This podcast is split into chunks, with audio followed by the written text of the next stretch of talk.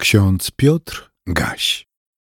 Wtorek, 19 lipca 2022 roku. W Psalmie 34, ósmym wersecie czytamy: Anioł Pański zakłada obóz wokół tych, którzy się go boją i ratuje ich.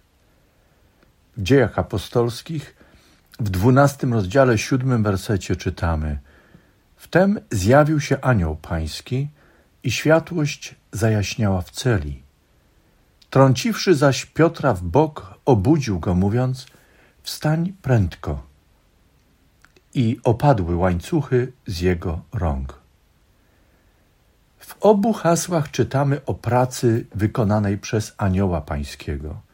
Pracy dla dobra człowieka doświadczanego uciskiem, przejętego lękiem z powodu knucia zła przez wrogów.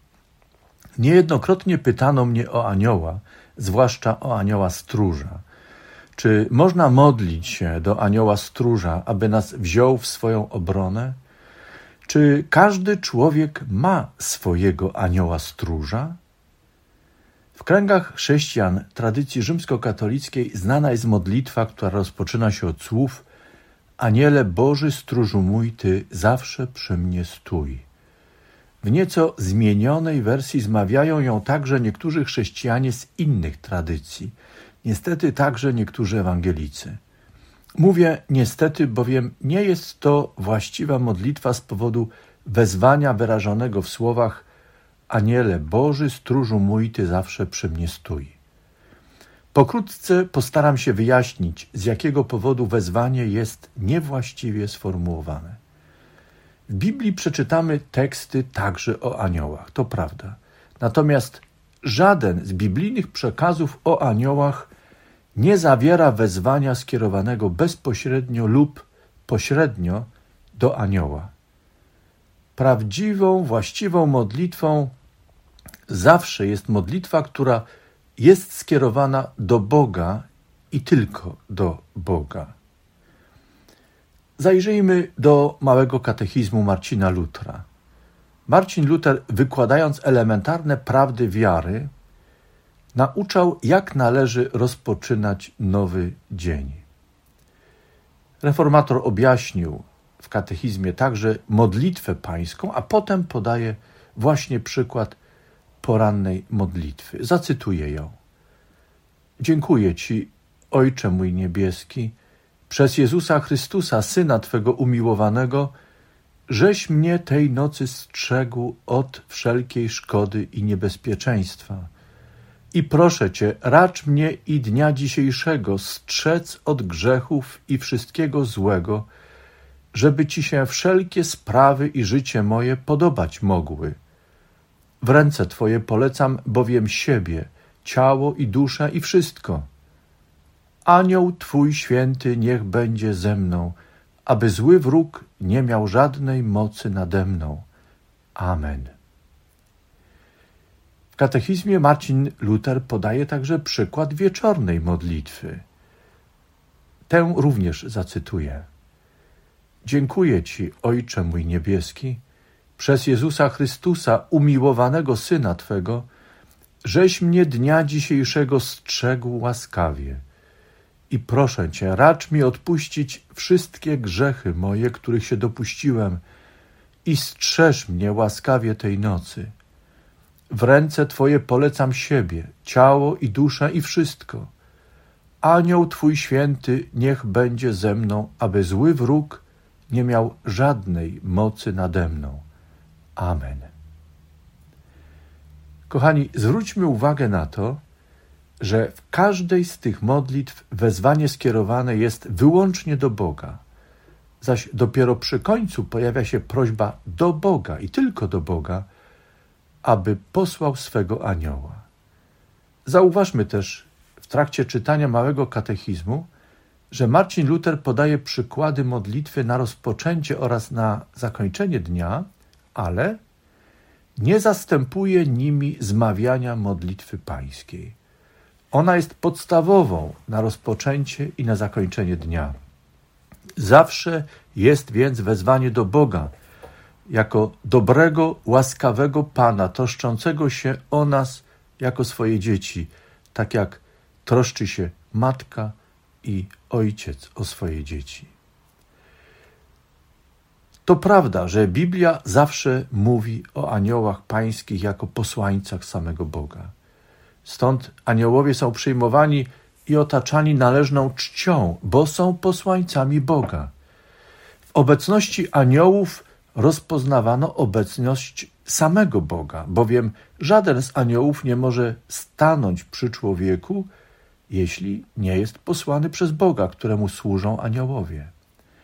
Z tego powodu aniołowie nigdy nie przyjmują uwielbienia należnego jedynie Bogu, wszak są sługami Pana. Przyjęcie chwały należnej Bogu byłoby wystąpieniem przeciwko samemu Panu. Tak uczynił jeden z aniołów, nazwany potem złym, szatanem. Jeśli poszli za nim inni aniołowie, stali się sługami złego. Wróćmy, kochani, do dzisiejszych haseł. Po pierwszym przeczytaniu być może ktoś odniósł wrażenie, że w centrum przytoczonych tekstów jest anioł pański. Jednakże, kiedy poznamy kontekst obu haseł, wtedy uświadomimy sobie, że w centrum jest jedynie Bóg.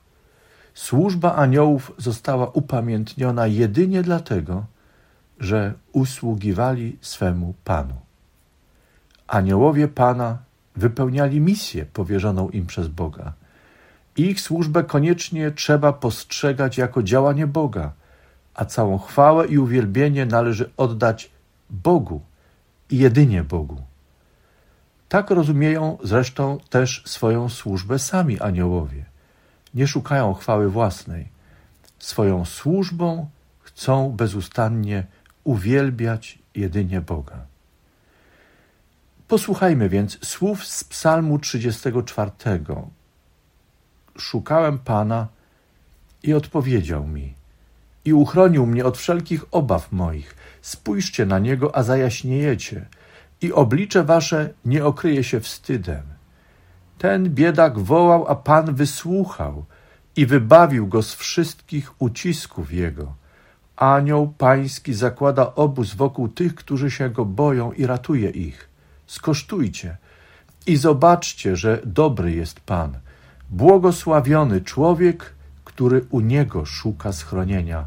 Bójcie się Pana, święci Jego. Kochani, nikt nie powinien podważać, że zaimek osobowy go został użyty nie w odniesieniu do anioła pańskiego, ale do Pana, który ratuje, daje schronienie człowiekowi, kiedy posyła swojego anioła, aby założył wokół człowieka obóz. Kiedy zajrzymy do dziejów apostolskich 12 rozdziału, czytamy tam, że Piotr, wyprowadzony z więzienia przez anioła pańskiego, jakiś czas później stanął w gronie zdumionych przyjaciół. I w tym miejscu zacytuję werset 17 z dziejów apostolskich z 12 rozdziału. Czytamy tam: Dawszy im znak ręką, aby milczeli, opowiedział im, jak Pan wyprowadził go z więzienia. Pan. Tak więc również dla Piotra było jasne, że Pan go wyprowadził. Anioł nie mógłby tego uczynić bez woli swego Pana, Boga, któremu służy. Odpowiadam na pytania postawione na początku mojego rozmyślania. Nie wolno modlić się do anioła. Natomiast wolno modlić się do Boga, aby posłał swego anioła. Nie wiem, czy każdy ma swojego anioła, ale na podstawie Pisma Świętego wiem, że każdy i każda ma Boga, który miłuje i jest nam wierny. On jedynie rozstrzyga, w jaki sposób nas ocali i zachowa, jak nas przeprowadzi przez ten świat i zaprowadzi do wiecznej chwały. Chcę zakończyć modlitwą napisaną przez Anetę von Droste Hilfshoff.